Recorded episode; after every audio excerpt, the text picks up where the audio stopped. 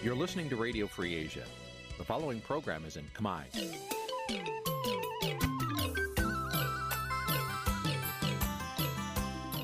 នេះជាកម្មវិធីផ្សាយ Vuthu Azizi Serai នេះជាកម្មវិធីផ្សាយរបស់ Vuthu Azizi Serai ជាភាសាខ្មែរ Vuthu Azizi Serai សូមស្វាគមន៍លោកអ្នកនាងទាំងអស់ពីរដ្ឋធានី Washington នៃសហរដ្ឋអាមេរិក។ បាទពីរដ្ឋធានីវ៉ាស៊ីនតោនខ្ញុំបាទសេកបណ្ឌិតសូមជម្រាបសួរអស់លោកអ្នកនាងកញ្ញាអ្នកស្ដាប់ទាំងអស់ជាទីមេត្រីយើខ្ញុំសូមជូនកម្មវិធីផ្សាយសម្រាប់ព្រឹកថ្ងៃសៅរ៍មួយកើតខែភទ្របទឆ្នាំខាលចត្វាស័កពុទ្ធសករាជ2566ត្រូវនៅថ្ងៃទី27ខែសីហា គ្រិស្តសករាជ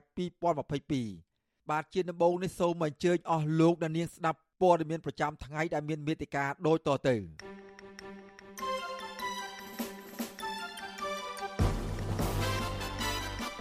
ក្រសួងមហាផ្ទៃអំពាវនាវឲ្យស្ថានទូតបរទេសនិងភាគីពាក់ព័ន្ធសហការលុបបំបាត់អំពើជួញដូរមនុស្សនៅកម្ពុជា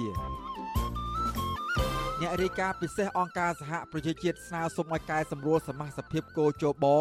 បើកលំហសិទ្ធិពលរដ្ឋនិងគណៈបកនយោបាយលោកសំរាំងស៊ីនៅតែបន្តចោទប្រកាន់លោកហ៊ុនសែនថាជាអ្នករៀបចំផែនការសម្លាប់លោកហុកឡុងឌីនិងករណីឃាតកម្មផ្សេងទៀត ពលរដ្ឋបារម្ភពីលបែងស៊ីសងអនឡាញដែលកំពុងរីកដុះដាលក្នុងសហគមន៍រួមនឹងព័ត៌មានផ្សេងផ្សេងមួយចំនួនទៀតជាបន្តទៅទៀតនេះខ្ញុំបាទសេកបណ្ឌិតសូមជូនព័ត៌មានពិស្ដាបាទលោកអ្នកនាងកញ្ញាជាទីមេត្រីក្រសួងមហាផ្ទៃកាលពីថ្ងៃទី26ខែសីហាបានចេញសេចក្តីអំពាវនាវមួយឲ្យស្ថាប័នតំណាងបរទេសនិងភាគីពាក់ព័ន្ធនានា សហការផ្ដល់ព័ត៌មាន និងចូលរួមបង្ការទប់ស្កាត់និងបង្ក្រាបអំពើជួញដូរមនុស្សនិងឧក្រិដ្ឋកម្មឆ្លងដែនផ្សេងផ្សេងនៅក្នុងប្រទេសកម្ពុជា មន្ត្រីសង្គមស៊ីវិលយល់ថាសេចក្តីអំពាវនាវនេះគឺជារឿងល្អព្រោះវាបង្ហាញថារដ្ឋាភិបាលទទួលស្គាល់អំពើជួញដូរមនុស្សនៅកម្ពុជា មានការកើនឡើង និងមានផែនការទទួលយកកិច្ចសហប្រតិបត្តិការពីភាគីពាក់ព័ន្ធផ្សេងផ្សេង ដើម្បីបង្ក្រាបអំពើជួញដូរមនុស្សនៅកម្ពុជានេះបាទលោកទីនសាការីយ៉ារាយការណ៍ជុំវិញព័ត៌មាននេះក្រសួងមហាផ្ទៃអំពាវនាវឲ្យស្ថានតំណាងរដ្ឋបរទេសនិងភាគីពាក់ព័ន្ធនានាសហការផ្តល់ព័ត៌មាននិងចូលរួមបង្ការទប់ស្កាត់និងបង្ក្រាបអំពើជួញដូរមនុស្សនិងអក្រកម្មឆ្លងដែនផ្សេងៗនៅថ្ងៃទី26សីហានេះសេចក្តីអំពាវនាវដែលបានផ្សព្វផ្សាយតាម Facebook Page របស់ក្រសួងមហាផ្ទៃបានបង្ហាញថា ចាប់ពីថ្ងៃទី1មករាដល់ថ្ងៃទី20សីហាឆ្នាំ2022នេះអាជ្ញាធរមានសមត្ថកិច្ចបានជួយចុះរងគ្រោះពីការជួញដូរមនុស្សនិងរត់ពន្ធមនុស្សចំនួន87ករណីស្មើនឹង865នាក់ដោយឡែកនៅក្នុងសប្តាហ៍ទី4នៃខែសីហាក្រសួងបានជួយចុះរងគ្រោះចំនួន25នាក់បន្ថែមទៀតជនរងគ្រោះចាញ់បោកក្រុមអក្រិតជន តាមរយៈការផ្ដល់ការងារដែលទទួលបានប្រាក់ខែច្រើនប៉ុន្តែជាក់ស្ដែងជនរងគ្រោះទាំងនោះ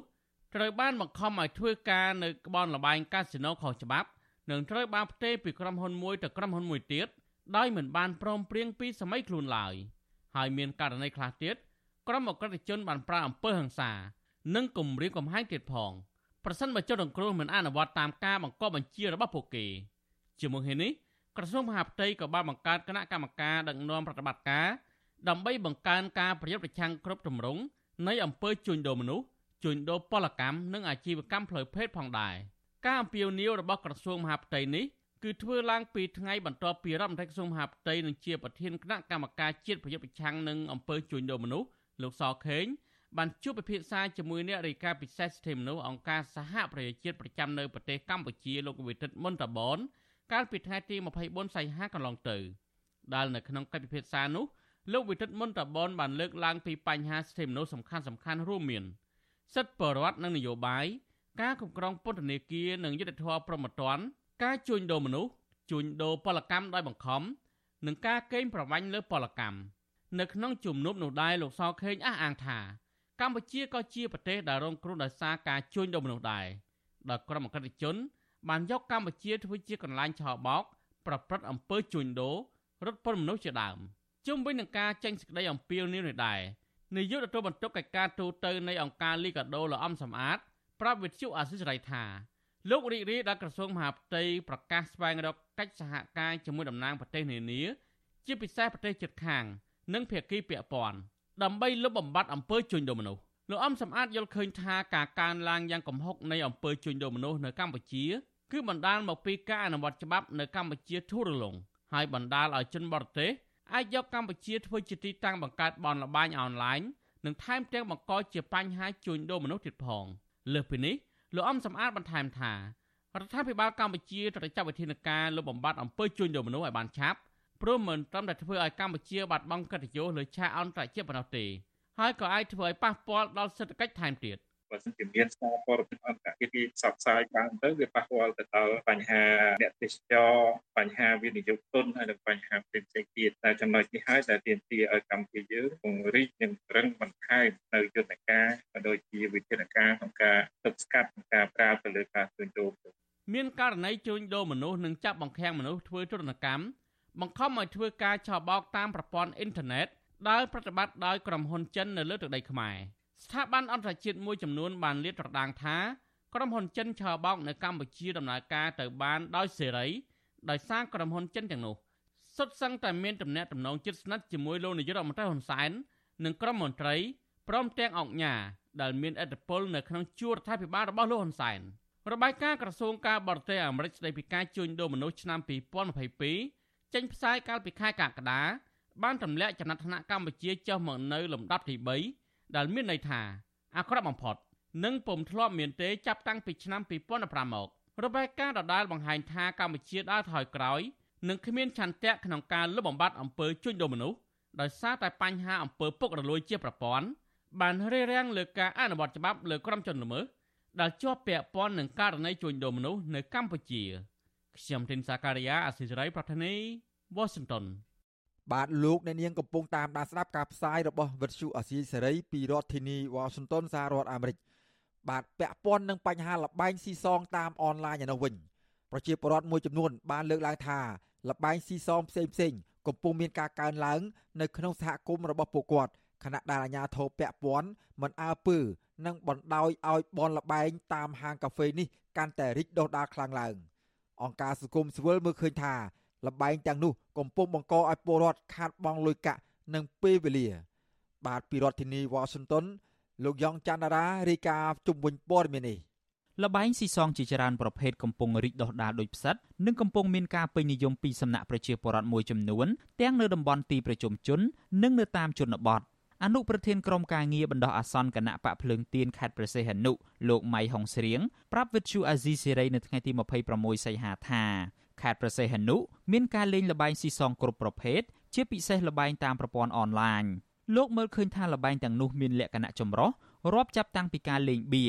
ឡូតូអាប៉ោងជលមន់ចាក់កន្ទុយលេខព្រមទាំងល្បែងភ្នាល់តាមប្រព័ន្ធអនឡាញដែលមានដាក់បញ្ចាំងតាមកញ្ចក់ទូរទស្សន៍ធំធំតាមផ្សារតូបចាប់ហួយហាងលក់កាហ្វេ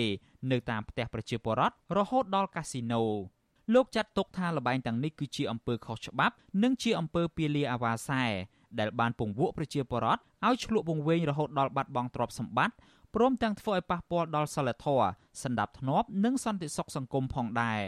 លោកស្នើឲ្យអាជ្ញាធរពាក់ព័ន្ធពិនិត្យនិងចាត់វិធានការទៅលើរឿងនេះដើម្បីទប់ស្កាត់កុំឲ្យមានការលេងល្បែងស៊ីសងបន្តទៅទៀត ខ្ញុំឃើញមនុស្សខ្មែរចេញចូលចេញចូលនៅអនឡាញហ្នឹងឯងដែលបណ្ដាលឲ្យពីមានតាំងពីចោរកម្មមានអំពើឆក់ប្លន់កាលណារចាញ់អីចឹងទៅគិតថាចង់ឲ្យវិធីអីដើម្បីបានលុយមកទៀតមកលេងទៀតពាក្យថាលបែងស៊ីសងនោះគឺគឺជាអង្គើអវាសែពីលាហើយហើយដែលធ្វើឲ្យប៉ះពាល់មិនមែនតែរឿងសេដ្ឋកិច្ចទេប៉ះពាល់តាំងពីស្ដាប់ធ្នាប់អីទាំងអស់នឹងសន្តិសុខជាមួយគ្នានេះដែរ យុវជននៅខេត្តបាត់ដំបងនិងជាសមាជិកសមាគមសម្ព័ន្ធនិស្សិតបញ្ញវន្តខ្មែរកញ្ញាហុកកំលៀងសង្កេតឃើញថាយុវជននិងប្រជាពលរដ្ឋខ្មែរមួយចំនួនកំពុងញៀននឹងលបែងស៊ីសង ដែលឃោសនាលើបណ្ដាញសង្គមនិងខិត្តប័ណ្ណប្រងព្រាតកញ្ញាបន្តថាមានយុវជនមួយចំនួន បានបោះបង់ចោលការសិក្សា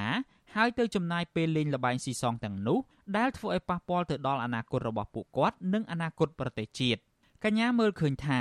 ការរីកដុះដាលលបែងស៊ីសងនៅក្នុងសហគមន៍នេះគឺផ្ដើមចេញពីវត្តមានរបស់ជនជាតិចិនដែលមករកស៊ីនៅលើទឹកដីកម្ពុជាកញ្ញាស្នើឲ្យអាជ្ញាធរត្រូវតែយកចិត្តទុកដាក់ទប់ស្កាត់លបែងស៊ីសងនេះជាពិសេសច្បាប់អន្តោប្រវេសន៍និងមិនគួរបណ្ដេតបណ្ដោយឲ្យជនបរទេសមកបណ្ដាក់ទុនវិនិយោគបើកបនលបែងលើទឹកដីកម្ពុជាយ៉ាងអនាធបត័យបែបនេះឡើយ។ ដោយសារតែល្បែងអនឡាញអត់ទាន់មានចំណាត់ការមួយណាឃើញអាជ្ញាធរណាដែលគាត់ចុះទៅ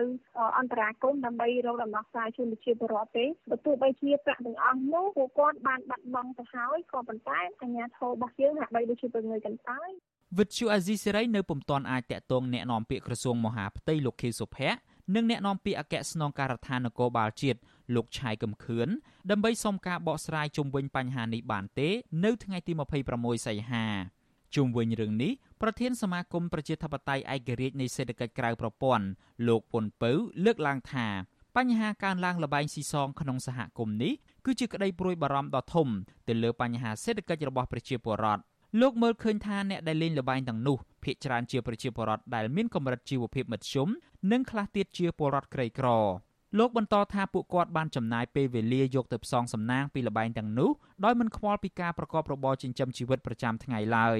លោកអំពីវនីវដល់រដ្ឋាភិបាលត្រូវតែមានវិធានការទប់ស្កាត់ករណីនេះជាបន្ទាន់បើពុំដូច្នេះទេវានឹងធ្វើឲ្យសេដ្ឋកិច្ចប្រជាពលរដ្ឋកាន់តែធ្លាក់ចុះបន្តិចម្ដងបន្តិចម្ដងទៅក្នុងបន្ទាត់នៃភាពក្រីក្រ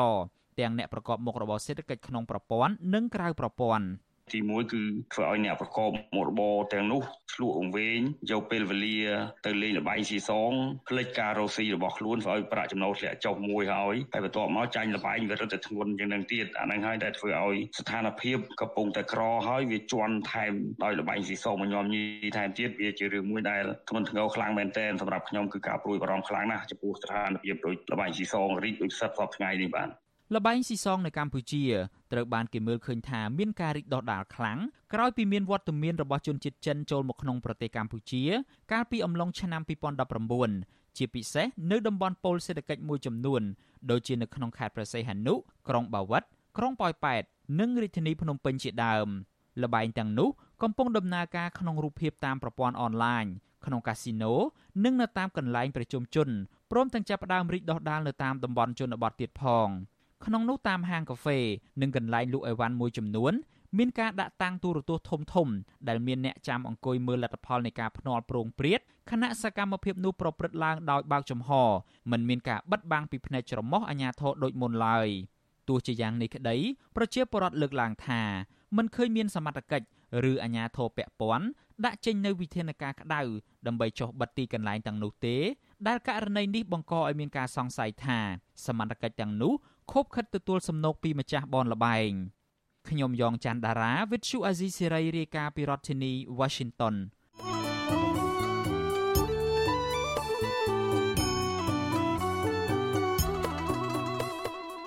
បាទលោកអ្នកនាងកំពុងតាមដានស្ដាប់ការផ្សាយរបស់វិទ្យុអាស៊ីសេរីពីរដ្ឋធានី Washington សហរដ្ឋអាមេរិក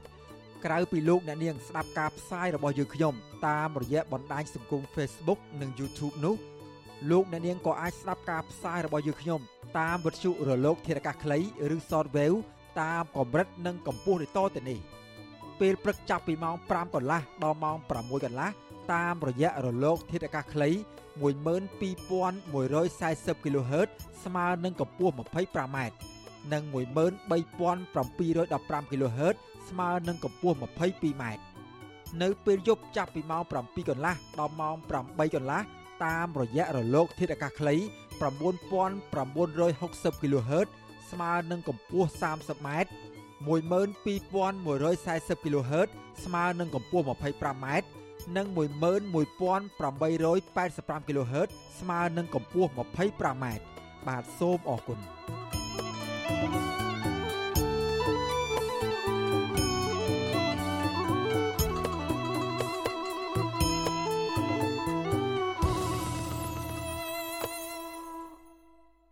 បាទលោកអ្នកនាងកញ្ញាជាទីមេត្រីពាក់ព័ន្ធនឹងការបោះឆ្នោតនិងការគោរពសិទ្ធិមនុស្សនៅកម្ពុជាវិញ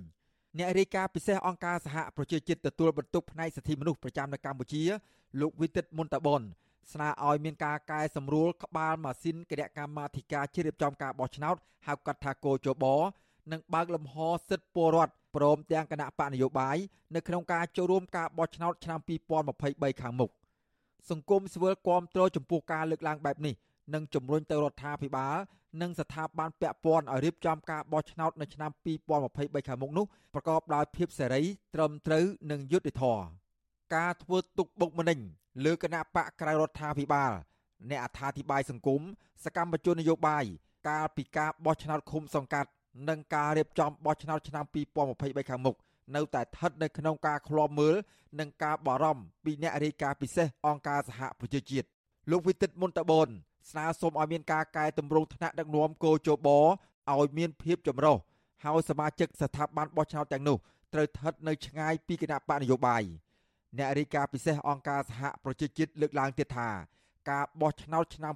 2023ខាងមុខអាជ្ញាធរមូលដ្ឋានត្រូវនៅឆ្ងាយពីការិយាល័យបោះឆ្នោតនិងអនុញ្ញាតឲ្យពលរដ្ឋអាចឃ្លាំមើលសកម្មភាពរាប់សន្លឹកឆ្នោត ការបំពេញទម្រង់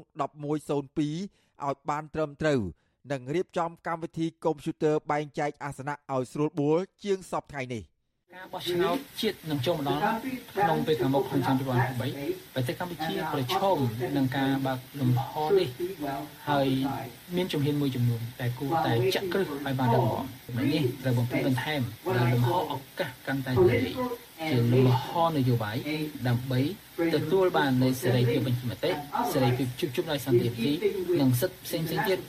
ស្របតាមស្តង់ដារអន្តរជាតិក្នុងដំណាក់កាលមុនអំឡុងពេលនិងក្រោយការបោះឆ្នោតអ្នករាយការណ៍ពិសេសអង្គការសហប្រជាជាតិលោកវិទិតមុនតបនលើកឡើងយ៉ាងដូចនេះនៅក្នុងសន្និសីទសារព័ត៌មាននៅថ្ងៃទី26ខែសីហាដែលជាថ្ងៃចុងក្រោយនៃការបំពេញទស្សនកិច្ចរបស់លោកនៅកម្ពុជា លោកក៏បានរំលឹកទៅរដ្ឋាភិបាលឲ្យបញ្ចប់ការយាយីបៀតបៀនលើគណៈបកក្រៅរដ្ឋាភិបាល និងអ្នកអត្ថាធិប្បាយសង្គម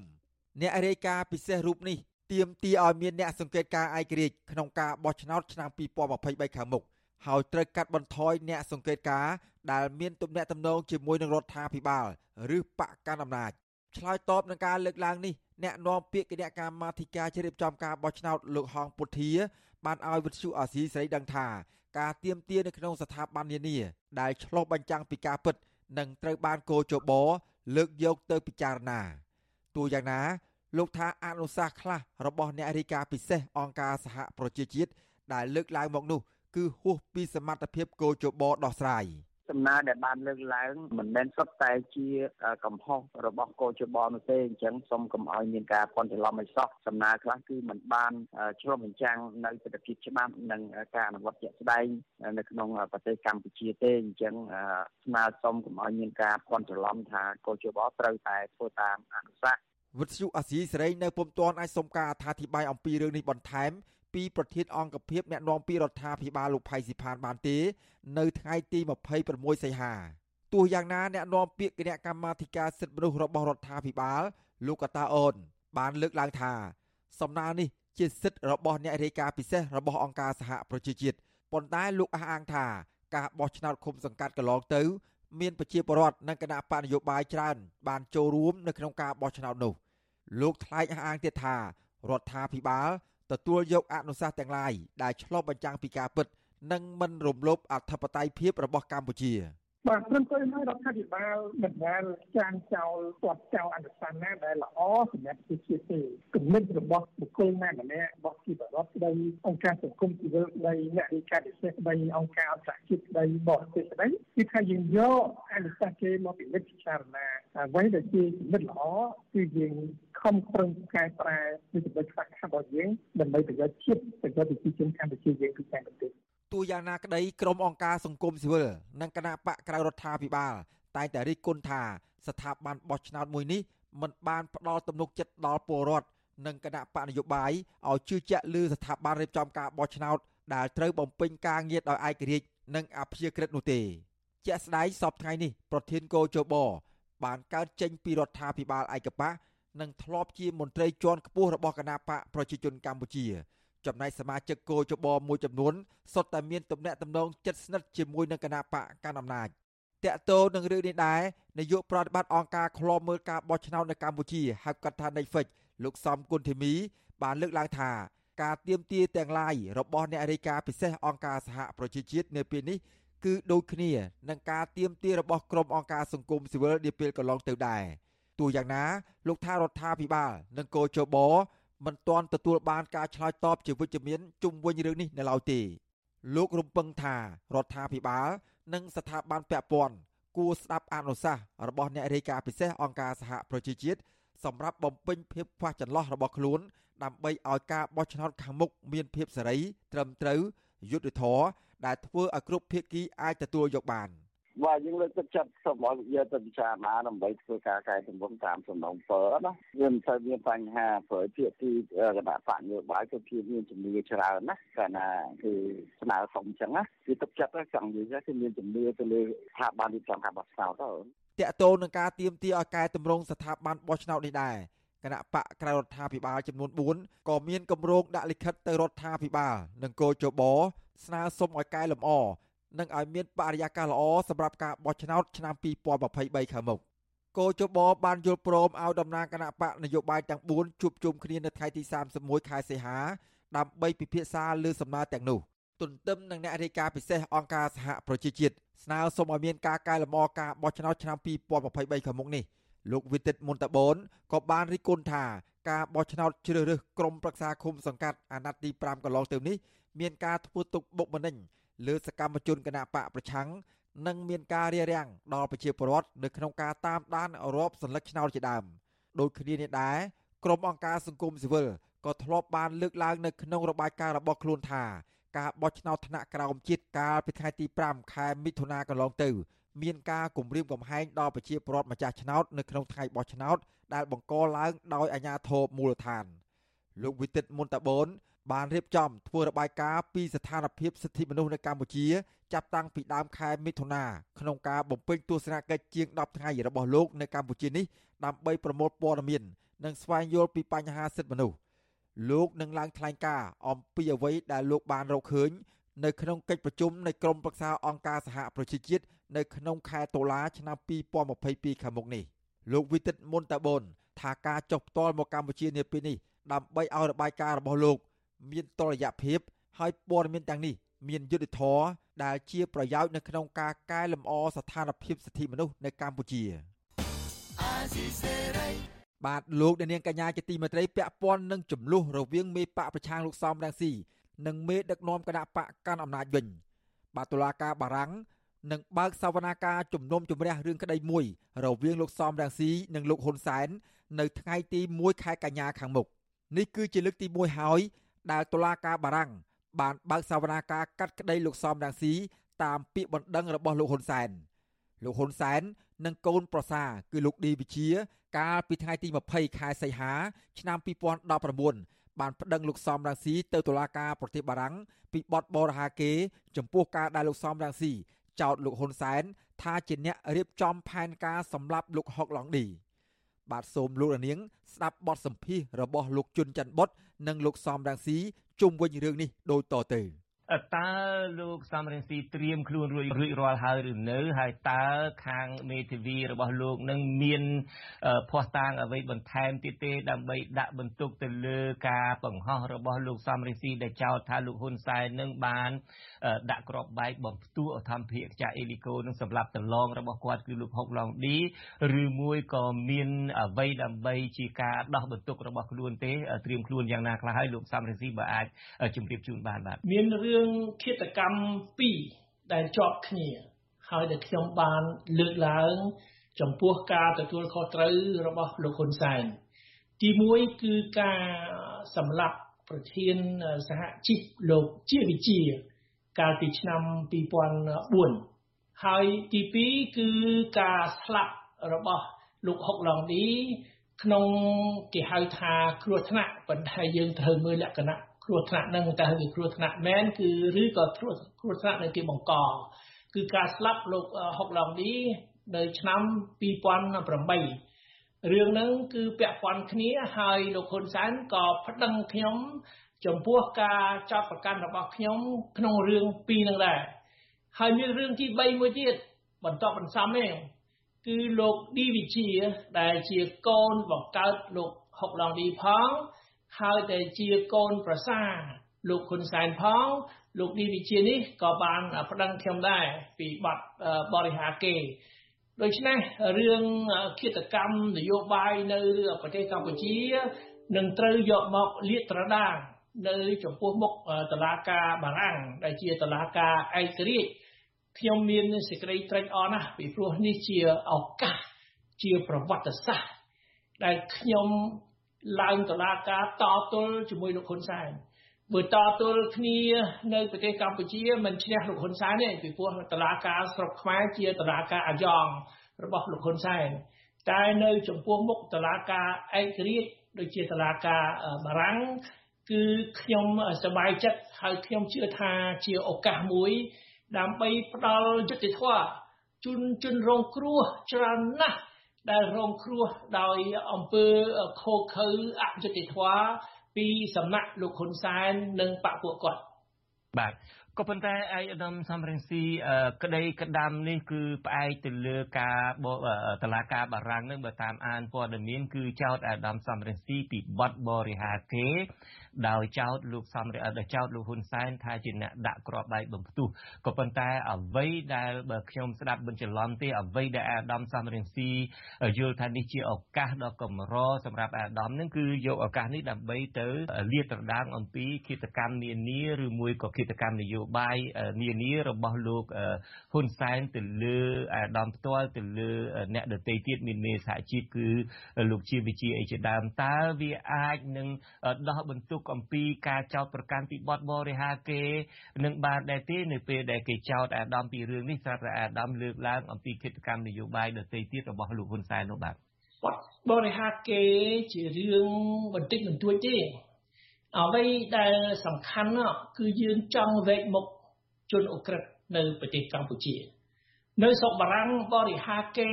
គ្មានរឿងអីជាធនធ្ងរទេយ៉ាងច្រើនអ្នក អ្នកឈ្នះអ្នកចាញ់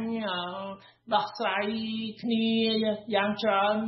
បងជំងឺចិត្ត1អឺរ៉ូឥឡូវ1អឺរ៉ូស្មើនឹង1ដុល្លារមិនមែនដូចនៅស្រុកខ្មែររឿងបរិហាគេគេយកធ្វើជាលេសដើម្បីចាប់អ្នកប្រឆាំងដាក់គុកឬមួយឲ្យបងជំងឺចិត្តចូលដល់លានដុល្លារ អញ្ចឹងនៅស្រុកខ្មែររឿងបរិហាគេគឺជាការបង្ក្រាបជាការកម្ចាត់អ្នកដែលតតាំងជាមួយរបបផ្ដាច់ការតែនៅប្រទេសបារាំងនៅចំពោះតឡាការឯករាជ្យណាក៏ដោយរឿងបរិហាគេឬការចោទថាបរិហាគេនេះគឺគ្រាន់តែឲ្យឱកាសឲ្យយើងយកមកលាតត្រដាងថាអ្វីហេតុផលអ្វីដែលយើងជឿជាក់ថាខ្ញុំសំរាស៊ី ជឿជាក់ថាលោកហ៊ុនសែនជាអ្នកសម្លាប់លោកជាវិជាលោកហ៊ុនសែនជាអ្នកសម្លាប់លោកហុកឡងឌីពីព្រោះរឿងនេះវាពាក់ព័ន្ធគ្នាលោកហ៊ុនសែនគាត់ប្តឹងខ្ញុំគាត់ប្តឹងខ្ញុំពីរឿងពីរហ្នឹងពីរឿងឃាតកម្មមកលើលោកឌីវិជាផងឆ្នាំ2004និងការស្លាប់របស់លោកហុកឡងឌីផងកាលពីឆ្នាំ2008 អញ្ចឹងរឿងនោះវាធំធំទាំងពីររឿងលោកហុកឡងឌីស្លាប់ក្នុងគ្រោះថ្នាក់ឧទ្ធម្ភាគចក្រនេះក៏ធ្វើឲ្យមានសំណួរជាច្រើនពីព្រោះវាមានកត្តាមិនប្រក្រតីជាជាច្រើនគួរឲ្យយើងសង្ស័យតែនៅប្រទេសកម្ពុជា គេមិនហ៊ាននិយាយទេក្នុងចិត្តគេគេជឿគ្រប់គ្នា ថាការស្លាប់របស់លោកហុកឡងឌីក្នុងគ្រោះថ្នាក់ឧទ្ធម្ភាគចក្រនេះគឺបណ្ដាល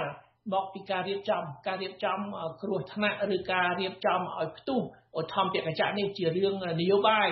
មិនមែនគ្រោះថ្នាក់ដោយរន្ទះបាញ់ដោយការបើកបរមិនត្រឹមត្រូវឬក៏ការខូចម៉ាស៊ីនណាមួយទេ អញ្ចឹងគេស្ដាប់ព័ត៌មានពីស្រុកខ្មែរឬឲ្យឃើញថាអាញាធរនៅប្រទេសកម្ពុជា គឺបណ្ដោយឲ្យមានពាក្យចរចាបារាមអត់មានបដិសេធទេមិនដឹង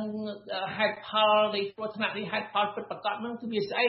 រន្ទះបាញ់មែនការបើកបរខុសខុសរបៀបឬក៏ខូចម៉ាស៊ីន អញ្ចឹងគេថាទេនិយាយមិនច្បាស់អត់មានការបញ្ជាក់អត់មានការបដិសេធពីហេតុផលមួយទៅហេតុផលមួយធ្វើឲ្យមានការសង្ស័យសង្ស័យហើយគឺយើងមើលរឿងនយោបាយសិក្សាគឺលោកហ៊ុនសែនគាត់មានហេតុផលគាត់មានហេតុផលសម្រាប់លោកហុកឡងឌីពីព្រោះលោកហុកឡងឌីនឹងដឹងរឿងច្រើនពេកលោកហុកឡងឌីនឹងគឺជាអ្នកជាជនជាជនដៃដល់ ដែលសម្រាប់លោកជាវិជាសម្រាប់លោកជាវិជាតាមបញ្ជាលោកហ៊ុនសែនអញ្ចឹងបានថារឿងពីរនេះវាតាក់ទងគ្នាហើយមិនមែនតែការសម្រាប់លោកជាវិជាម្នាក់ទេលោកហុកឡងឌីសម្រាប់គេច្រើនណាស់តាមបញ្ជាលោកហ៊ុនសែនដល់លោកហុកឡងស៊ីលោកហុកឡងឌីដឹងរឿងលោកហ៊ុនសែនច្រើនពេកលោកហ៊ុនសែនភ័យថាថ្ងៃណាមួយបើលោកហុកឡងឌីបកអាក្រាតលោកហ៊ុនសែនហើយលោកលោកហុកឡងឌីគាត់មានមហិច្ឆតា គាត់មានមហិច្ឆតាឲ្យគាត់ចាប់ផ្ដើមច្រងេងច្រងាង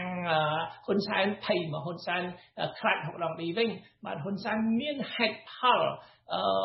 សម្រាប់លោកហុកឡងឌីអញ្ចឹងហើយបានរឿងនេះគឺជាឱកាសមួយយើងយករឿងឃាតកម្មនយោបាយយកមកនិយាយនៅប្រទេសបារាំងចំពោះមុខតឡាការឯករាជ្យហើយសូមបញ្ជាក់ថាជាលើកទី1ក្នុងប្រវត្តិសាស្ត្រប្រទេសកម្ពុជា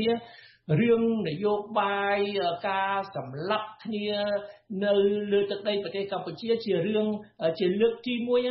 ដែលតឡាការឯករាជ្យមួយយកមកពិនិត្យពីព្រោះមកទល់នឹងសប្តាហ៍ថ្ងៃបទអក្រិតរបស់លោកហ៊ុនសែននៃបកពួកគាត់គឺមានតែតឡាការនៅប្រទេសកម្ពុជាតឡាការទីក្រុងភ្នំពេញគឺមិនងាយចោតប្រកាន់លោកហ៊ុនសែនទេគឺឲ្យលោកហ៊ុនសែនរួចខ្លួន ហើយបែរទៅមួលបង្កាច់អ្នកដទៃទៀតដោយរឿងលោកជីវិជាលោកជីវិជាត្រូវគេសម្លាប់គ្មានអ្នកណាក្រៅពីហ៊ុនសែនទេព្រោះហ៊ុនសែនគាត់មានមធ្យោបាយសម្លាប់ជីវិជាហើយគាត់មានមធ្យោបាយបិទបាំងការពិត ពីព្រោះប៉ូលីសនៅក្នុងកណ្ដាប់ដៃគាត់តឡាការនៅក្នុងកណ្ដាប់ដៃគាត់គឺគាត់រួចខ្លួនជានិច្ចអញ្ចឹងយើងមិនអាចរំពឹងណាក្នុងកលៈទេសៈបច្ចុប្បន្នយើងមិនអាចរំពឹងលើតឡាការនៅប្រទេសកម្ពុជាឲ្យលាតត្រដាងការពិតហើយឲ្យផ្ដល់យុត្តិធម៌ជូនជនរងគ្រោះទេតែនៅចំពោះមុខតឡាការឯករាជ្យដូចជាតឡាការបារាំងហើយជាលើកទី1ដែលខ្ញុំនិយាយមិញក្នុងប្រវត្តិសាស្ត្រហើយក្នុងពិភពលោកដែលមានតឡាការឯករាជ្យមួយ យករឿងករណីឃាតកម្មនយោបាយនៅប្រទេសកម្ពុជាយកមកជំនុំជម្រះនឹងហើយជាឱកាសល្អដើម្បីឲ្យប្រជាពលរដ្ឋខ្មែរតាមដានថានៅតឡាការឯករាជ្យគេធ្វើយ៉ាងម៉េចមិនមែនដូចតឡាការនៅស្រុកខ្មែរខ្មៅទៅជាសសទៅជាខ្មៅទេតឡាការនៅប្រទេសបារាំងតឡាការឯករាជ្យណាក៏ដោយការពិតនៅតែជាការពិតហើយយើងត្រូវតែស្វែងរកការពិត ដើម្បីឲ្យជនរងគ្រោះទទួលបានយុត្តិធម៌ហើយកុំឲ្យមានអំពើឃាតកម្មដល់ខូចខើមានអំពើអយុត្តិធម៌ដូចនៅប្រទេសកម្ពុជាតទៅទៀតបើយើងបង្ហាញហើយយើងទទួលជ័យជំនះនៅចំពោះមុខតឡាការបារាំងនេះបាទអរគុណអាដាមសំរិទ្ធីខ្ញុំបាទសូមជម្រាបលាទៅត្រឹមនេះសូមជម្រាបលាលោកជុនច័ន្ទបុតហើយជម្រាបលាបងប្អូនជនរួមជាតិកូនចៅទាំងអស់ដែលកំពុងតែស្ដាប់ខ្ញុំ បាទលោកអ្នកនាងទើបបានស្ដាប់បទសម្ភាសរបស់លោកជុនច័ន្ទបុតនិងលោកសំរាំងស៊ីជុំវិញរឿងតុលាការបារាំងបើកសវនាការកាត់ក្តីលោកសំរាំងស៊ីតាមពាក្យបណ្ដឹងរបស់លោកហ៊ុនសែន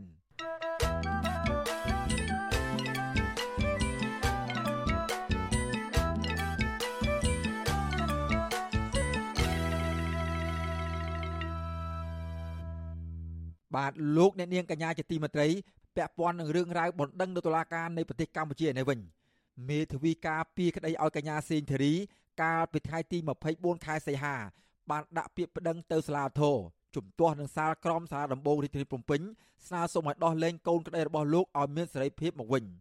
បាទលោកជួងជុងីបានដាក់លិខិតស្នើសុំដល់ក្រសួងមហាផ្ទៃឲ្យផ្ទេរកញ្ញាសេងធារីពីពន្ធនាគារខេត្តព្រះវិហារមកមណ្ឌលអប់រំកែប្រែទី2ឬគុកព្រៃសរនៅឯភ្នំពេញនេះវិញ បាទពីរដ្ឋធានី Washington លោកយុនសាមៀនរាយការណ៍ជុំវិញព័ត៌មាននេះមេធាវីការពារក្តីឲ្យកញ្ញាសេងធារីលោកជុងជូងីប្រាប់វត្ថុអាស៊ីសេរីនៅព្រឹកថ្ងៃទី26ខែសីហាថាលោកបានដាក់ពាក្យប្តឹងទៅសាឡៅតូនិងក្រសួងមហាផ្ទៃរួចហើយ កាលពីថ្ងៃទី24ខែសីហាកន្លងទៅដើម្បីសុំឲ្យលើកលែងបទចោទនិងឲ្យកញ្ញាសេងធារីមានសិទ្ធិនៅក្រៅឃុំ និងបដូរកញ្ញាពីពន្ធនាគារខេត្តព្រះវិហារ មកពន្ធនាគារព្រៃសរភ្នំពេញវិញ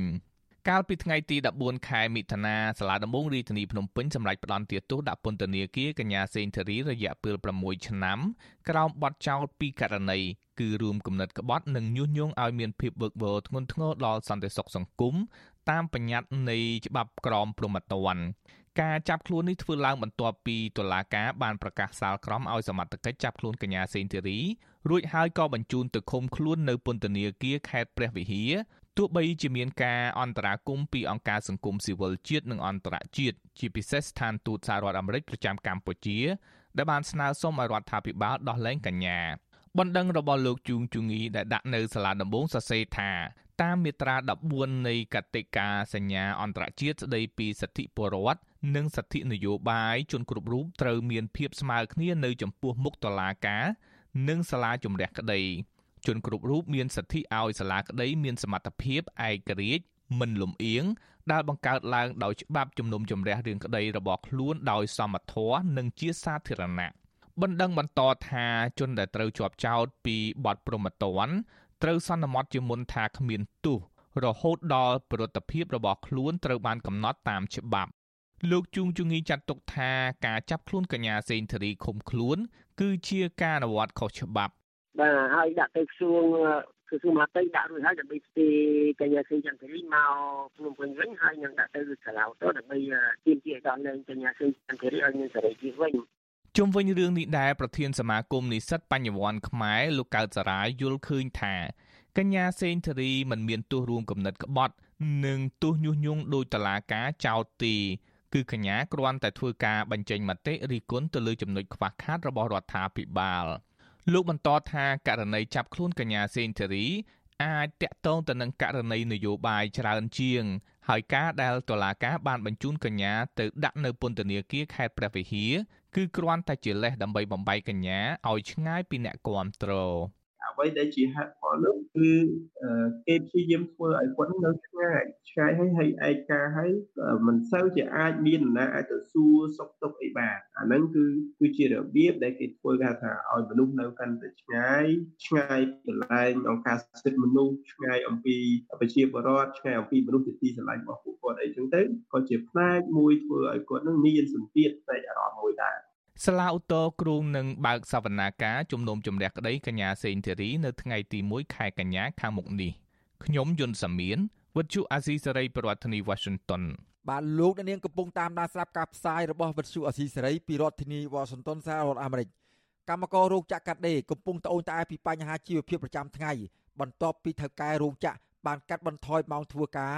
និងខ្លះត្រូវក្រុមហ៊ុនព្យួរការងារក្រោមហេតុផល រោងចក្រកំពុងជួបបញ្ហាកង្វះវត្ថុធាតុដើម និងរោងចក្រខ្លះទៀតកំពុងជួបបញ្ហាហិរញ្ញវត្ថុ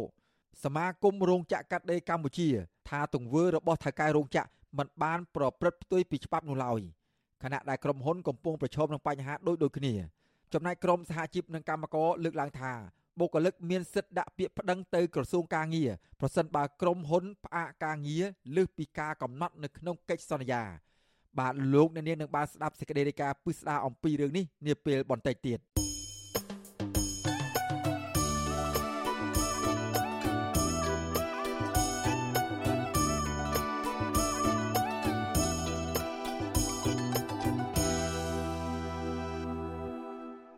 បាទលោកអ្នកនាងកញ្ញាជាទីមេត្រី ក្រសួងកិច្ចការនារីប្រកាសបដិសេធទាំងខ្លឹមសារនិងសកម្មភាពរបស់ក្រមយុវជនមួយក្រុមដែលរៀបចំឈុតឆាកសម្ដែងនៅខាងមុខទីស្តីការក្រសួងកិច្ចការនារីកាលពីពេលថ្មីថ្មីនេះ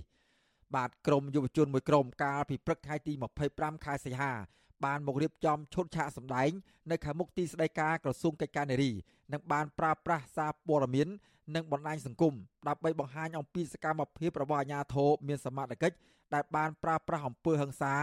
វាយដំទៅលើក្រុមស្ត្រីបាតកោនៃក្រុមហ៊ុនបងលបែងកាស៊ីណូ Nagavel ហើយក្រសួងកិច្ចការនារីគ្មានកិច្ចអន្តរាគមន៍ជួយដល់ក្រុមស្ត្រីជនរងគ្រោះទាំងនោះឲ្យមានប្រសិទ្ធភាពនោះទេ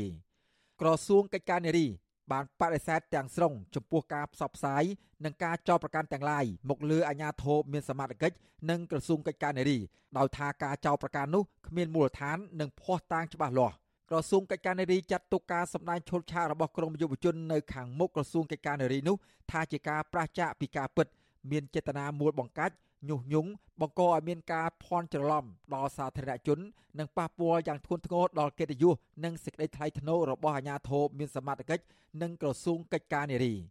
វិទ្យុអាស៊ីសេរីនៅពុំទាន់អាចតាក់ទងក្រមយុវជនដែលពាក់ព័ន្ធដើម្បីសុំការបញ្ជាក់អំពីរឿងនេះបានទេកាលពីថ្ងៃទី26ខែសីហា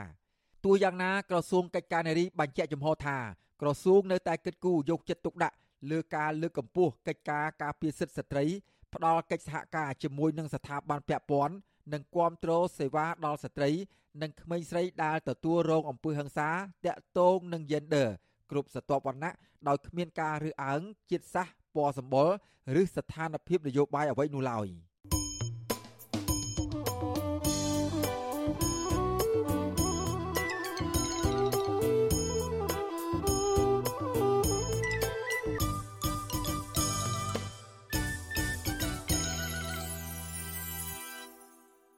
បាទលោកអ្នកនាងកញ្ញាជាទីមេត្រីក្រមស្ត្រីថៃសុកចេញតវ៉ាស្វែងរកយុទ្ធធរជូនសមាជិកគ្រួសាររបស់ពួកគាត់ដោយកោសក់បនស្រន់បែបសាសនា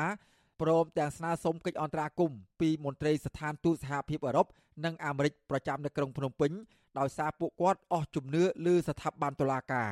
មន្ត្រីសង្គមស៊ីវិលស្នើសុំយ៉ាងទទូចដល់រដ្ឋាភិបាលឲ្យទទួលយកអនុសាសន៍របស់សហគមន៍ជាតិនិងអន្តរជាតិដើម្បីទៅកែលម្អគោរពសិទ្ធិមនុស្ស និងស្ដារលទ្ធិប្រជាធិបតេយ្យឡើងវិញបាទពីរដ្ឋធានី Washington លោកជាតិចំណានរាយការណ៍ជុំវិញព័ត៌មាននេះក្រមស្ត្រីថ្ងៃសុកជាង10នាក់នៅថ្ងៃទី26ខែសីហាបានប្រមូលផ្ដុំតវ៉ាដោយសន្តិវិធីនៅមុខស្ថានទូតសហភាពអឺរ៉ុបនិងសហរដ្ឋអាមេរិកប្រចាំទីក្រុងភ្នំពេញក្រោមការក្លំមើលពីសំណាក់សន្តិសុខនិងសមត្ថកិច្ចក្រុងភ្នំពេញជាច្រើនអ្នកប៉ុន្តែពុំមានការប៉ះទង្គិចគ្នាដូចលើកមុនមុននោះទេដោយគ្រាន់តែស្រែកសម្លុតគំរាមកំហែងពួកគាត់ ស្របពេលដែលអ្នករាយការណ៍ពិសេសអង្គការសហប្រជាជាតិមានវត្តមាននៅកម្ពុជាក្នុងពេលតវ៉ានោះស្ត្រីថ្ងៃសុក2នាក់គឺលោកស្រីព្រំចន្ទថានិងលោកស្រីសេងចន្ទថនបានកោសក់ដោយដៃកាន់ផ្កាឈូកអុជធូបទៀនបន់ស្រន់តាមបែបសាសនាដើម្បីបង្ហាញទៅសហគមន៍ជាតិនិងអន្តរជាតិពីអំពើអយុត្តិធម៌ក្នុងសង្គមក្រោមហេតុផលនយោបាយហើយអំពាវនាវឲ្យអាជ្ញាធរក្រុងភ្នំពេញបញ្ឈប់ការធ្វើទុកបុកម្នេញលើសកម្មជននយោបាយដែលកំពុងជាប់ឃុំទាំងអស់ជាបន្ទាន់ ក្រមស្ត្រីថ្ងៃសុកស្នើឲ្យឯកអគ្គរដ្ឋទូតនៃប្រទេសប្រជាធិបតេយ្យធំធំទាំងនោះជួយអន្តរាគមន៍ទៅរដ្ឋាភិបាលលោកហ៊ុនសែនដោះលែងប្តីនិងឪពុករបស់ពួកគេឲ្យមានសេរីភាពឡើងវិញដោយឥតលក្ខខណ្ឌដើម្បីឲ្យពួកគាត់ទទួលបានការព្យាបាលជំងឺនិងចូលរួមធ្វើនយោបាយឡើងវិញមន្ត្រីស្ថានទូតអឺរ៉ុបនិងអាមេរិកបានអនុញ្ញាតឲ្យតំណាងស្ត្រីថ្ងៃសុក5នាក់ចូលជួបពិភាក្សាក្នុងស្ថានទូតបន្ទាប់ពីប្រមូលផ្ដុំតវ៉ានៅតាមទីតាំងនីមួយៗ ប្រពន្ធមន្ត្រីគណៈបកសង្គ្រោះជាតិដែលកំពុងជាប់ឃុំលោកកកុម្ភាគឺលោកស្រីព្រំចន្ទថាប្រាប់វិសុអេស៊ីស្រីក្រោយជំនួបថាមន្ត្រីស្ថានទូតបានទទួលស្វាគមន៍និងកោតសរសើរចំពោះការលះបង់របស់ពួកលោកស្រីក្នុងការទាមទារយុត្តិធម៌ជូនសាច់ញាតិលោកស្រីក៏បានលើកឡើងពីទុកលំបាកនៃការរំលោភសិទ្ធិមនុស្សនិងលទ្ធិប្រជាធិបតេយ្យពីសំណាក់រដ្ឋាភិបាលជាពិសេសថ្មីថ្មីនេះអាជ្ញាធរពន្ធនាគារបានបញ្ជូនសាច់ញាតិរបស់ពួកគាត់ពីពន្ធនាគារព្រៃសរទៅពន្ធនាគារត្រពាំង plong ចុះព្រំដែនវៀតណាមដោយតក់ក្រហល់និងមិនផ្ដល់ដំណឹងឲ្យគ្រួសារឬមេធាវីដឹងមុននោះទេទោះជាយ៉ាងណាលោកស្រីបន្ថែមថាមន្ត្រីស្ថានទូតបានបញ្ជាក់ថាសហគមន៍អន្តរជាតិមិនបោះបង់ពួកលោកស្រីចោលនោះទេហើយសន្យាថានឹងលើកយកបញ្ហានេះទៅជជែកជាមួយរដ្ឋាភិបាលកម្ពុជាដើម្បីឲ្យមានការគោរពសិទ្ធិមនុស្សនិងបន្តតាមខ្លំមើលករណីនេះតទៅទៀត។ ក្រុមសារគឺគាត់ចង់ឲ្យពួកគាត់ធ្វើមួយកដោជំរុញឲ្យរដ្ឋាភិបាលរកដំណោះស្រាយឲ្យពួកខ្ញុំបាននឹងវិញឆាប់ឆាប់ឬក៏ជំរុញឲ្យរដ្ឋាភិបាលដោះលែងក្រុមគ្រួសារពួកខ្ញុំឲ្យបានឆាប់ចា៎ហើយនឹងរដ្ឋសិទ្ធិមនុស្សនិងប្រជាធិបតេយ្យនិងមាននីតិរដ្ឋនៅប្រទេសកម្ពុជាកុំឲ្យធ្វើទុកបុកម្នេញចំពោះក្រុមគ្រួសារគណៈបពប្រឆាំងទៀតដោយធ្វើនយោបាយឲ្យបានស្របច្បាប់ដូចគេនេះឯងដែរចា៎លោកស្រីព្រំចន្ទថាបញ្ជាក់ថាមូលហេតុដែលលោកស្រីងាកមកកោសក់បែបសាសនានិងស្វែងរកកិច្ចអន្តរាគមន៍ពីប្រទេសប្រកាន់លទ្ធិប្រជាធិបតេយ្យពេលនេះ ដោយសារតែលោកស្រីគ្មានជំនឿលើប្រព័ន្ធតុលាការដែលស្ថិតក្រោមសម្ពាធរបស់អ្នកនយោបាយវិសុអស៊ីសេរីមិនអាចតាក់ទងប្រធានអង្គភិបអ្នកនាំពាក្យរដ្ឋាភិបាលលោកផៃស៊ីផាននិងអ្នកនាំពាក្យអគ្គនាយកដ្ឋានពន្ធនាគារនៃក្រសួងមហាផ្ទៃលោកនុតសាវណ្ណាដើម្បីបញ្ជាក់ជុំវិញរឿងនេះបានទេនៅថ្ងៃទី26ខែសីហាជុំវិញរឿងនេះនាយកទទួលបន្ទុកកិច្ចការទូតនៃអង្គការសិទ្ធិមនុស្សលីកាដូលោកអំសំអាតមានប្រសាសន៍ថាសកម្មភាពតវ៉ារបស់ក្រមស្ត្រីថ្ងៃសុកបែបសាសនា និងការស្នើសុំកិច្ចអន្តរាគមន៍ពីស្ថានទូតប្រជាធិបតេយ្យនានាគឺជាសិទ្ធិសេរីភាពរបស់ប្រជាពលរដ្ឋទូទៅទន្ទឹមនឹងនេះលោកសង្កេតឃើញថាសំណើពួកគេតែងតែទទួលបានការយកចិត្តទុកដាក់តាមដានតាមរយៈមធ្យោបាយការទូតពីសហគមន៍អន្តរជាតិដោយទាមទារអរដ្ឋាភិបាលកម្ពុជាដោះលែងសកម្មជនបកប្រឆាំងទាំងនោះឲ្យមានសេរីភាពឡើងវិញដើម្បីគោរពសិទ្ធិពលរដ្ឋសិទ្ធិនយោបាយឆ្ពោះទៅរកការបោះឆ្នោតខាងមុខដំណើរការដោយល្អប្រសើរលោកថារដ្ឋាភិបាល គួរតែឆ្លើយតបនឹងអនុសាសន៍នានាដោយវិជ្ជមានដើម្បីបញ្ជៀសការរិះគន់និងការផ្ដាច់ប្រព័ន្ធអនុគ្រោះពន្ធពីអាមេរិកនិងអឺរ៉ុបយើងឃើញថាកន្លងមកហ្នឹងគឺបណ្ដាប្រទេសមួយចំនួនដូចជាសហគមន៍អឺរ៉ុបសហរដ្ឋអាមេរិកនិងបណ្ដាប្រទេសមួយចំនួនទៀតហ្នឹងមានការយកចិត្តទុកដាក់តាមដានទៅលើ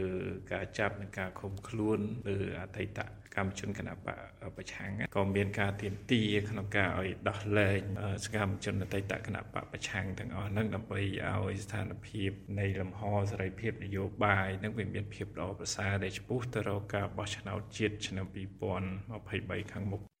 លោកអំសមត្ថបន្ថែមថាការបញ្ជូនសកម្មជនបកប្រឆាំងទៅឆ្ងាយពីក្រមគ្រួសារធ្វើឲ្យប៉ះពាល់ដល់ការប្រស័យតាក់ទងគ្នាគណៈគ្រួសារតែងតែធ្វើសកម្មភាពចេញមុខតវ៉ានៅរាជធានីភ្នំពេញ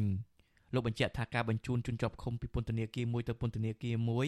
ដោយមិនបានជូនដំណឹងឲ្យមេធាវីការពារក្តីឬក្រុមគ្រួសារដឹងជាមុននោះគឺជាការរំលោភសិទ្ធិមនុស្សរបស់ពួកគាត់មកដល់ពេលនេះមានសកម្មជនគណៈបកប្រឆាំងជាង60នាក់ទៀត កំពុងជាប់ឃុំក្នុងពន្ធនាគារដោយសារតែការអនុវត្តសិទ្ធិនយោបាយរបស់ពួកគេកាលពីដើមខែឧសភាសមាជិកសភាអឺរ៉ុបបានទាមទាររដ្ឋាភិបាលកម្ពុជា បញ្ឈប់ការយាយីគ្រប់រូបភាពទៅលើការអនុវត្តសិទ្ធិសេរីភាពរបស់ពលរដ្ឋដោយដោះលែងអ្នកជាប់ឃុំនយោបាយនិងទម្លាក់ចោលបទចោទប្រកាន់មិនត្រឹមត្រូវទៅលើថ្នាក់ដឹកនាំគណៈបកសង្គ្រោះជាតិនិងការស៊ើបអង្កេតដោយឯករាជ្យលើករណីឃាតកម្មលើអ្នកបញ្ចេញមតិរិះគន់រដ្ឋាភិបាលជាដើមទន្ទឹមនឹងនេះសភាអឺរ៉ុប បានជំរុញឲ្យស្ថាប័នអឺរ៉ុបអនុវត្តវិធានការនានាប្រឆាំងនឹងក្រុមមេដឹកនាំកម្ពុជាក្នុងនោះរួមទាំងការព្យួរទាំងស្រុងនៅប្រព័ន្ធអនុគ្រោះពន្ធ EBA ផងដែរប្រសិនបើរកឃើញថាការបោះឆ្នោតមានភាពអយុត្តិធម៌ខ្ញុំបាទជាចំណាន Visual Assisray ពីរដ្ឋធានី Washington សភាពាណិជ្ជកម្មអឺរ៉ុបប្រចាំនៅកម្ពុជាចុះអនុសារណៈនៃការយោគយល់គ្នាជាមួយនឹងអាជ្ញាធរសកម្មភាពមីននិងជួយជនរងគ្រោះដោយសារក្របមីននៅកម្ពុជា ដើម្បីគ្រប់គ្រងដល់អង្គភាពមួយនេះនៅក្នុងកិច្ចខិតខំប្រឹងប្រែងកម្ចាត់មីននិងយុទ្ធភ័ណ្ឌមិនទាន់ផ្ទុះនៅកម្ពុជាភាពជាដៃគូរវាងវិស័យឯកជន និងរដ្ឋនៅក្នុងសកម្មភាពកម្ចាត់មីននិងអភិវឌ្ឍសហគមន៍ដែលភាគីទាំងពីរបានចុះហត្ថលេខានេះនឹងចាប់ផ្ដើមអនុវត្តចាប់ពីឆ្នាំ2022ដល់ឆ្នាំ2025ខាងមុខ ភាគីទាំងពីរបានព្រមព្រៀងគ្នាសម្របសម្រួលកិច្ចខិតខំប្រឹងប្រែងទំនាក់ទំនងដើម្បីជំរុញឲ្យមានវិធានការសកម្មភាពតាក់ទងនឹងបេសកកម្មនេះនិងបង្កើនការយល់ដឹងអំពីបញ្ហាមីនតាមរយៈបណ្ដាញសង្គមសម្ភារៈនិងមធ្យោបាយពាក់ព័ន្ធដទៃទៀតប្រធានក្រុមប្រឹក្សាភិបាលនៃសភាពាណិជ្ជកម្មអឺរ៉ុបប្រចាំនៅកម្ពុជាលោក Tassilo Prenzer បានថ្លែងនៅក្នុងពិធីចុះអនុសារណៈកាលពីថ្ងៃទី24សីហាថា ពួកលោកនឹងបង្កើនការយល់ដឹងអំពីបញ្ហាមីននេះជាមួយនឹងសមាជិកដទៃទៀតព្រមទាំងជំរុញឲ្យពួកគេចូលរួមនៅក្នុងការបោសសម្អាតក្របមីនឲ្យអស់ពីកម្ពុជាហើយប្រែក្លាយដីទាំងឡាយដែលបោសសម្អាតមានរួចហើយនោះអាចប្រើប្រាស់បានឡើងវិញក្នុងរយៈពេលជាង30ឆ្នាំផ្ទៃដីជាង2000គីឡូម៉ែត្រការ៉េដែលគ្របដណ្ដប់ដោយក្របមីននិងសំណល់ជាតិផ្ទុះនៃសង្គ្រាមត្រូវបានបោសសម្អាតក្របមីនប្រឆាំងមនុស្សជាង1លានគ្រាប់ មីនប្រឆាំងរថក្រោះលើសពី26000គ្រាប់និងសំណល់ជាតិផ្ទុះនៃសង្គ្រាមជិត3លានគ្រាប់ទៀតត្រូវបានរកឃើញ និងបំផ្លាញចោលដែលផ្ដល់ប្រយោជន៍ដល់ពលរដ្ឋកម្ពុជាជាង7លាន5សែននាក់បច្ចុប្បន្នកម្ពុជានៅសល់ដីដែលមានមីនជាង700គីឡូម៉ែត្រទៀតកាលពីថ្ងៃទី22សីហា កាលពីថ្ងៃទី22សីហា សភាពាណិជ្ជកម្មអឺរ៉ុបប្រចាំនៅកម្ពុជាក៏បានចុះអនុសារណៈយោគយល់គ្នាមួយដែរជាមួយសមាគមសហគ្រិនស្ត្រីកម្ពុជា ដើម្បីលើកកម្ពស់សមភាពយេនឌ័រនៅកម្ពុជាសភាពាណិជ្ជកម្មអឺរ៉ុបប្រចាំនៅកម្ពុជាគូសបញ្ជាក់នៅក្នុងសេចក្តីប្រកាសព័ត៌មានកាលពីថ្ងៃទី26សីហាថា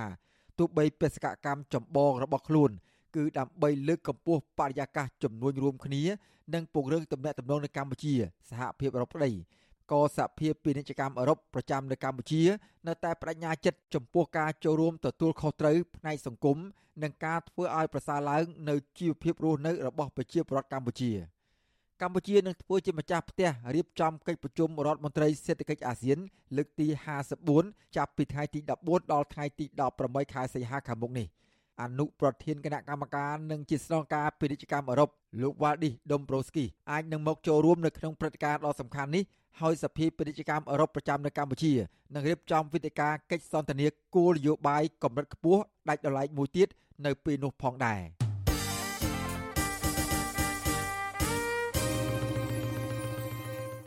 បាទលោកអ្នកនាងកញ្ញាជាទីមេត្រីពាក់ព័ន្ធនឹងវិស័យវេទនភ័ណ្ឌនៅកម្ពុជាវិញ កម្មកររោងចក្រកាត់ដេរកំពុងតែត្អូញត្អែពីបញ្ហាជីវភាពប្រចាំថ្ងៃបន្ទាប់ពីថៅកែរោងចក្របានកាត់បន្ថយម៉ោងធ្វើការនិងខ្លះទៀតត្រូវក្រុមហ៊ុនព្យួរការងារក្រោមហេតុផលរោងចក្រកំពុងជួបបញ្ហាកង្វះវត្ថុធាតុដើមនិងរោងចក្រខ្លះទៀតជួបបញ្ហាហិរញ្ញវត្ថុសមាគមរោងចក្រកាត់ដេរថាទង្វើរបស់ថៅកែរោងចក្រមិនបានផ្ទុយពីច្បាប់អនុញ្ញាតនោះឡើយខណៈក្រុមហ៊ុនកំពុងប្រឈមនឹងបញ្ហាដូចគ្នានេះសហជីពកម្មករលើកឡើងថា បុគ្គលិកមានសិទ្ធិដាក់ពាក្យប្តឹងទៅក្រសួងការងារប្រសិនបើក្រុមហ៊ុនផ្អាកការងារលើសពីការកំណត់នៅក្នុងកិច្ចសន្យា បាទពីរដ្ឋធានីវ៉ាស៊ីនតោនលោកយ៉ងច័ន្ទរារាយការណ៍ពិស្ដារអំពីរឿងនេះកម្មកររោងចក្រមួយចំនួននៅរាជធានីភ្នំពេញកំពុងព្រួយបារម្ភពីការបាត់បង់ការងារនិងប្រឈមជាមួយបញ្ហាជីវភាពប្រចាំថ្ងៃបន្ទាប់ពីថៅកែរោងចក្រជាច្រើនបានកាត់បន្ថយថ្ងៃធ្វើការមកសល់ត្រឹមតែកន្លះខែហើយបើកប្រាក់ខែឲ្យតែ50%ប៉ុណ្ណោះ កម្មការនីរោងចក្រនីអាន់ខិតស្ថិតនៅក្នុងសង្កាត់ទឹកថ្លាខណ្ឌសែនសុខរាជធានីភ្នំពេញលោកស្រីចិនសារ៉េតឲ្យដឹងថា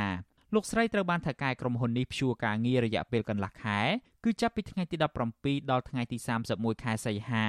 ដែលនឹងត្រូវកាត់បន្ថយប្រាក់ខែពាក់កណ្ដាលផងដែរលោកស្រីបន្តថាមូលហេតុនៃការកាត់បន្ថយថ្ងៃធ្វើការនេះដោយសារតែរោងចក្រអះអាងថាខ្វះខាតការផ្គត់ផ្គង់ក្រណាត់និងសម្ភារៈចាំបាច់មួយចំនួនសម្រាប់ដំណើរការផលិតកម្ម លោកស្រីសង្កេតឃើញថារោងចក្រចាប់ផ្ដើមមានភាពមិនប្រក្រតីចាប់តាំងពីខែកញ្ញាឆ្នាំ2021មកដោយបុគ្គលិកមិនសូវមានការងារថែមម៉ោងតទៅទៀតទេកាលពីមុនថែម៉ោងរហូតថែម៉ោង8ថ្ងៃអាទិត្យអីក៏អត់បានសម្រាប់ដែរធ្វើការរហូតពីអញ្ចឹងបានបន្ថែមម៉ោងអញ្ចឹងទៅប្រាក់ខែក៏វាបានរៀងច្រើនដែរអញ្ចឹងណាលោកស្រីរៀបរាប់ទៀតថានៅក្នុងរយៈពេល2ឆ្នាំនៃការបម្រើការងារនៅក្នុងរោងចក្រមួយនេះលោកស្រីទទួលបានប្រាក់ខែគោលចំនួន194ដុល្លារ បូកផ្សំជាមួយនឹងប្រាក់អត្ថប្រយោជន៍ផ្សេងទៀតសរុបបានប្រហែល200ដុល្លារក្នុងមួយខែក៏ប៉ុន្តែពេលនេះក្នុងមួយខែលោកស្រីទទួលបានប្រាក់ឈ្នួលត្រឹមតែ100ដុល្លារប៉ុណ្ណោះកម្មការនីរូបនេះបន្តថាប្រាក់ដែលទទួលបាននេះមិនអាចទូទាត់បែងចែកនៅរាល់ការចំណាយប្រចាំថ្ងៃ ដូចជាថ្លៃម្ហូបអាហារថ្លៃផ្ទះជួល និងផ្ញើទៅស្រុកកំណើតបានគ្រប់គ្រាន់ឡើយ អញ្ចឹងបើការងារអត់ដឹងណាណៃជុំហើយជាអត់បានទៅស្រុកឯងព្រោះអីអត់មានលុយឲ្យថ្លៃផ្ទះខែក្រោយហ្នឹងក៏អត់ដឹងថាម៉េចដែរព្រោះការងារអត់ទាន់ដឹងថាម៉េចផងស្រដៀងគ្នានេះប្រធានផ្នែកកម្មករនៅរោងចក្រឌិនហាន ក្នុងខណ្ឌមានជ័យគឺលោកស្រីព្រំសុភីឲ្យដឹងថាកម្មករនៅក្នុងរោងចក្ររបស់លោកស្រីមិនសូវមានការងារថែមម៉ោងដូចពីមុនឡើយ លោកស្រីបន្តថាចរន្តការងារនៅក្នុងរោងចក្រនៅពេលនេះហាក់មានភាពរអាក់រអួលបន្តិចម្ដងបន្តិចម្ដង ដែលកំពុងបង្កការព្រួយបារម្ភដល់កម្មករទាំងអស់អំពីស្ថិរភាពការងាររបស់ពួកគាត់លោកស្រីបន្តថាបើគិតទៅលើចំនួនប្រាក់ខែគោល194ដុល្លារនោះកម្មករមិនអាចដោះស្រាយជីវភាពប្រចាំថ្ងៃបាននោះទេហើយពួកគាត់បានកាត់បន្ថយការចំណាយទៅលើម្ហូបអាហារនិងការស្នាក់នៅ ដែលធ្វើឲ្យពួកគាត់ប្រឈមនឹងផលប៉ះពាល់សុខភាព ខណៈអ្នកខ្លះក៏ត្រូវជាប់ជំពាក់បំណុលថែមទៀតពួកគាត់ព្រួយបារម្ភដោយសារប្រាក់ខែគាត់ត្រឹម194បើសិនគាត់ធ្វើការត្រឹម8ម៉ោងគាត់ទៅអត់បានមានការថែម៉ោងប្រាក់ខែត្រឹម200បងទាំងលុយអីផ្សេងផ្សេងអញ្ចឹងគាត់មិនអាចទប់ទល់នឹងជីវភាពគ្រួសារខ្សែផ្ទះជួលនិងការហូបចុកបានហើយអ្នកខ្លះគាត់អាចបង់ធនាគារបង់អីចឹងណាបង កម្មកររោងចក្រមួយចំនួនឲ្យដឹងថារោងចក្រលើកហេតុផលថាករណីគ្មានការងារធ្វើទៀងទាត់និងបើកប្រាក់ខែតែ50%នេះពីព្រោះពិបាកនាំចូលវត្ថុធាតុដើមសម្រាប់ផលិតដោយសារអាជ្ញាធរកម្ពុជា ធ្វើការយឺតយ៉ាវនិងទារលុយបង់ពន្ធដែលអាចជាប់ពាក់ព័ន្ធទៅនឹងអំពើពុករលួយ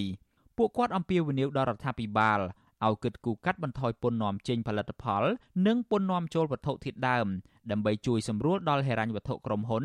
និងធានាបាននូវស្ថិរភាពការងារសម្រាប់កម្មករជុំវិញរឿងនេះវិទ្យុអាស៊ីសេរីមិនអាចតាក់ទងแนะនាំពាក្យក្រសួងការងារលោកហេងសួរដើម្បីសុំការបកស្រាយទៅលើបញ្ហានេះបាននោះទេនៅថ្ងៃទី25ខែសីហា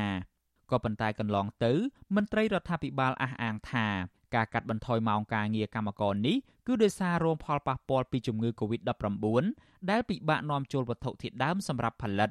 ទោះជាយ៉ាងណា ពេលនេះស្ថានភាពនៃជំងឺ Covid-19 ហាក់ធូរស្រាលទៅហើយដែលរដ្ឋាភិបាលបានអនុញ្ញាតឲ្យបើកដំណើរការរោងចក្រនិងសេដ្ឋកិច្ចពាណិជ្ជកម្មជាប្រក្រតីឡើងវិញអគ្គលេខាធិការសមាគមរោងចក្រកាត់ដេរនៅកម្ពុជាហៅកាត់ថា GMAC គឺលោកខេនលូមិនបកស្រាយអំពីផលប៉ះពាល់ទៅលើរោងចក្រនោះទេក៏ប៉ុន្តែលោកថាការកាត់បន្ថយប្រាក់ខែមកនៅពាក់កណ្ដាលសមាមាត្រតាមការកាត់ម៉ោងធ្វើការនេះគឺជារឿងស្របច្បាប់និងត្រឹមត្រូវទៅតាមលក្ខខណ្ឌការងារ លោកបន្តថានៅក្នុងស្ថានភាពនេះលោកទទួលស្គាល់ថាក្រុមកម្មករនយោជិតជួបការលំបាកក៏ប៉ុន្តែលោកថាភាគីថៅកែរោងចក្រក៏កំពុងជួបវិបត្តិដូចគ្នាខ្ញុំទទួលស្គាល់ហើយប៉ាប៉លហើយប៉ុន្តែប៉ាប៉លជីវភាពក៏ក្រុមហ៊ុនដែរអញ្ចឹងខ្ញុំចង់ថាក្រុមហ៊ុនធ្វើអាលឹងស្របច្បាប់ហើយអត់មានអឺរំលោភច្បាប់ទេទោះជាយ៉ាងណាក្រុមកម្មកររោងចក្រមួយចំនួនទៀតរៀបរាប់ថា ចាប់តាំងពីមានវិបត្តិជំងឺ Covid-19 និងសហភាពអឺរ៉ុបដក EBA ចំនួន20%ពីកម្ពុជាមកសិទ្ធិការងារនិងលក្ខខណ្ឌការងារនៅក្នុងរោងចក្ររបស់ពួកគាត់មានស្ថានភាពអាក្រក់ខ្លាំងពួកគាត់លើកឡើងដូចដូចគ្នាថារោងចក្រមិនមានការងារថែមម៉ោងដូចពីមុននោះទេធ្វើឲ្យកម្មកររកចំណូលបានតិចតួចពិបាកដោះស្រាយជីវភាព និងសងបំណុលធនាគារលើសពីនេះទៅទៀតថៅកែរោងចក្រក៏លុបចោលអត្ថប្រយោជន៍ផ្សេងផ្សេងសម្រាប់កម្មករតាមតែអំពើចិត្ត ដូចជាលុយរង្វាន់លើកទឹកចិត្តលុយបាយថ្ងៃត្រង់និងលុយសុខភាពជាដើមលើសពីនេះទៅទៀតថៅកែរោងចក្រក៏បិទសិទ្ធិកម្មករមិនឲ្យសួរនាំឬតវ៉ានៅក្នុងរោងចក្រដើម្បីទាមទារលក្ខខណ្ឌការងារល្អប្រសើរនោះឡើយហើយបើកម្មករហ៊ានតតាំងនឹងរងការគំរាមកំហែងឬបណ្តេញចេញពីការងារភ្លាមមួយរំពេចជុំវិញរឿងនេះប្រធានសហភាពសហជីពកម្ពុជាលោករងឈុនថ្លែងថា ផលប៉ះពាល់ទៅលើវិស័យរោងចក្រកាត់ដេរដែលធ្វើឲ្យកម្មករខ្វះការងារធ្វើទៀងទាត់នេះអាចមានបញ្ហារួមផ្សំជាច្រើនដូចជាបញ្ហាសេដ្ឋកិច្ចពិភពលោកបញ្ហាសង្គ្រាមរវាងរុស្ស៊ីនិងអ៊ុយក្រែនព្រមទាំងបញ្ហាដកប្រព័ន្ធអនុគ្រោះពន្ធ EBA របស់សហភាពអឺរ៉ុបចំនួន20%ជាដើមលោកជំរុញឲ្យរដ្ឋាភិបាលជួយអន្តរាគមន៍បញ្ចុះពន្ធតម្លៃប្រេងសាំងនិងបន្ធូរបន្ថយការសងបំណុលធនាគារជាដើម។ ទោះបីឥឡូវកូវីដថមថយវាមានវិបត្តិសេដ្ឋកិច្ចក៏ដូចវាមានសង្គ្រាមរវាងរុស្ស៊ីនិងអ៊ុយក្រែនហើយតាក់ទងទៅនឹង EBA នឹងផងដែរដែលធ្វើឲ្យប៉ះពាល់ដល់ការងាររបស់បងប្អូនកម្មករកម្មការិនីមួយទៀតយើងដឹងហើយបងប្អូនកម្មករកម្មការិនីបច្ចុប្បន្ននេះបៀវត្សគាត់ 194ដុល្លារនិងបើធៀបទីផ្សារបច្ចុប្បន្ននេះគឺពួកគាត់ពិបាករស់មែនតែនពីព្រោះគ្រប់តំណែងសពសារពើហ្នឹងមានតម្លៃខ្ពស់អញ្ចឹងធ្វើឲ្យគាត់ហ្នឹងពិបាករស់ហើយបាទហើយណាមួយវាបំណុលកម្មករស្ទើរតែ100%ហើយជាប់បំណុលធនាគារអញ្ចឹងគាត់រងសម្ពាធខ្លាំងណាស់បាទសប្តាហ៍ថ្ងៃនេះជាមួយគ្នានេះ ប្រធានសហព័ន្ធសហជីពកម្ពុជាអ្នកស្រីយ៉ាងសុភ័ណ្ឌលើកឡើងថារាល់រោងចក្រសហគ្រាសដែលមានការព្យួរការងារកម្មករបុគ្គលិកជាបណ្ដោះអាសន្ននោះគឺត្រូវតែឆ្លងកាត់ការត្រួតពិនិត្យនិងស្រាវជ្រាវអំពីមូលហេតុព្រមទាំងមានការសម្រេចចេញពីក្រសួងការងារជាមុនសិនអ្នកស្រីបន្ថែមថាក្រុមកម្មករនិយោជិតអាចដាក់ពាក្យប្តឹងទៅកាន់ក្រសួងការងារឬរកការអន្តរាគមន៍ណាមួយពីរដ្ឋាភិបាលក្នុងករណីថៅកែរោងចក្រល្មើសនឹងច្បាប់ការងារ ជាទូទៅបានទៀមទីឲ្យក្រុមកម្មករនិយោជិតរបស់យើងហ្នឹងគាត់ត្រូវយកនាំយករឿងនៃបញ្ហារបស់ពួកគាត់ដែលកើតមាននៅក្នុងក្រុមហ៊ុនគាត់ពួកគាត់ហ្នឹងដាក់លិខិតទៅក្រសួងដាក់លិខិតអីទៅតាមរយៈសហជីពតាមរយៈអីចឹងទៅអញ្ចឹងណាក្នុងការប្រាប់អំពីបញ្ហាដែលកើតមាននៅក្នុងក្រុមហ៊ុនរបស់ពួកគាត់បើការសម្រាប់អត់ត្រឹមត្រូវហ្នឹងគឺកម្មករត្រូវបាន100%ពេញអញ្ចឹងណា កាលពីខែសីហាឆ្នាំ2020សហភាពអឺរ៉ុបបានសម្រេចដកប្រព័ន្ធអនុគ្រោះពន្ធ EBA ចំនួន20%ពីកម្ពុជាដោយសារតែរដ្ឋាភិបាលលោកហ៊ុនសែនបានបំផ្លាញលទ្ធិប្រជាធិបតេយ្យនិងរំលោភសិទ្ធិមនុស្សធ្ងន់ធ្ងរជាប្រព័ន្ធការដក EBA ចំនួន20%កន្លងទៅនេះបានធ្វើឲ្យប៉ះពាល់ដល់ការងាររាប់ម៉ឺនកន្លែងសម្រាប់កម្មករវិស័យកាត់ដេរនិងប្រជាកសិករហើយអាចប៉ះពាល់ដល់ទំនុកចិត្តអ្នកវិនិយោគ ពីព្រោះកម្ពុជាបានជាប់ឈ្មោះថាជាប្រទេសរំលោភសិទ្ធិមនុស្សធ្ងន់ធ្ងរកន្លងទៅអង្គការនឹងសហជីពចំនួន3រួមមានអង្គការ Liga do សម្ព័ន្ធសហជីពកម្ពុជានិងអង្គការសង្ត្រាល់បានចេញរបាយការណ៍ស្រាវជ្រាវសង្ខេបមួយស្ដីពីភាពជំពាក់បំណុលច្រើនលើសលប់នៅក្នុងវិស័យកាត់ដេរនៅប្រទេសកម្ពុជារបាយការណ៍បង្ហាញថា កម្មករធ្វើការក្នុងវិស័យកាត់ដេរស្ទើរតែទាំងអស់បានធ្លាក់ខ្លួនជំពាក់បំណុលវ័នកនិងគ្មានលទ្ធភាពសងបំណុលវិញប្រសិនបើការងាររបស់ពួកគេត្រូវបន្តព្យួរនិងគ្មានភាពច្បាស់លាស់ដូចនេះខ្ញុំយ៉ងច័ន្ទដារាវិទ្យុអាស៊ីសេរីរាយការណ៍ពីរដ្ឋធានី Washington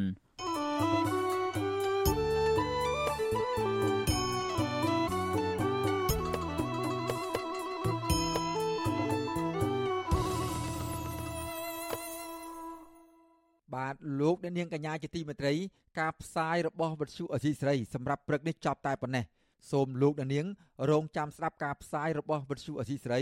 នៅយប់ថ្ងៃសៅរ៍នេះបន្តទៀតកុំបីខាន ចាប់ពីម៉ោង7កន្លះដល់ម៉ោង8កន្លះម៉ោងនៅកម្ពុជាយើងខ្ញុំសូមជូនពរដល់អស់លោកអ្នកនាងឲ្យជួបប្រកបតែនឹងសេចក្តីសុខចម្រើនរុងរឿងកុំបីគ្លៀងគ្លេឡើយខ្ញុំបាទសេកបណ្ឌិតព្រមទាំងក្រុមការងារទាំងអស់នៃវិទ្យុអាស៊ីសេរីសូមអរគុណនិងសូមជម្រាបលា